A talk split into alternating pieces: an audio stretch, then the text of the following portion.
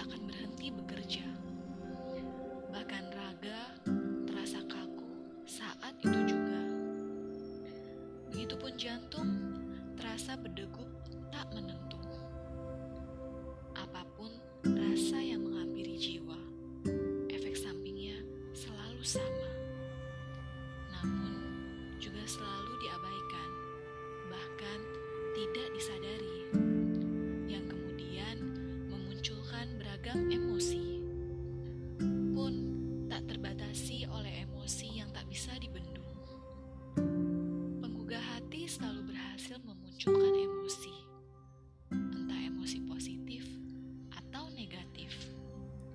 Dan emosi seakan menguasai jiwa dalam sesaat. Emosi positif bagaikan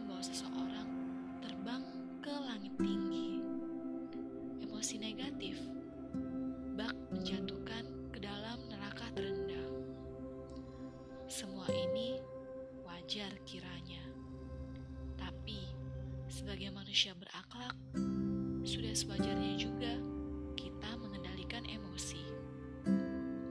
Karena penggugah hati yang mengawali emosi seharusnya menyadarkan jiwa, bukan membuat jiwa seakan tak terkendali. Ini adalah salah satu perbedaan manusia sebagai makhluk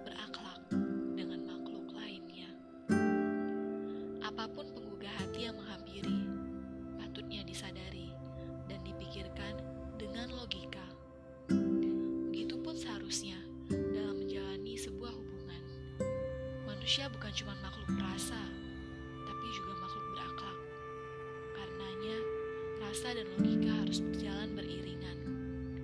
Hubungan yang hanya dilandasi dengan rasa tidak akan bertahan lama, karena hidup juga butuh logika.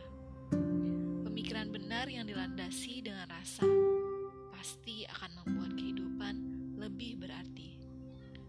Dan buat kamu, semoga hubungan kamu semakin berarti. Stay tune terus di podcast Science Voice dan nantikan episode selanjutnya. See you, bye-bye.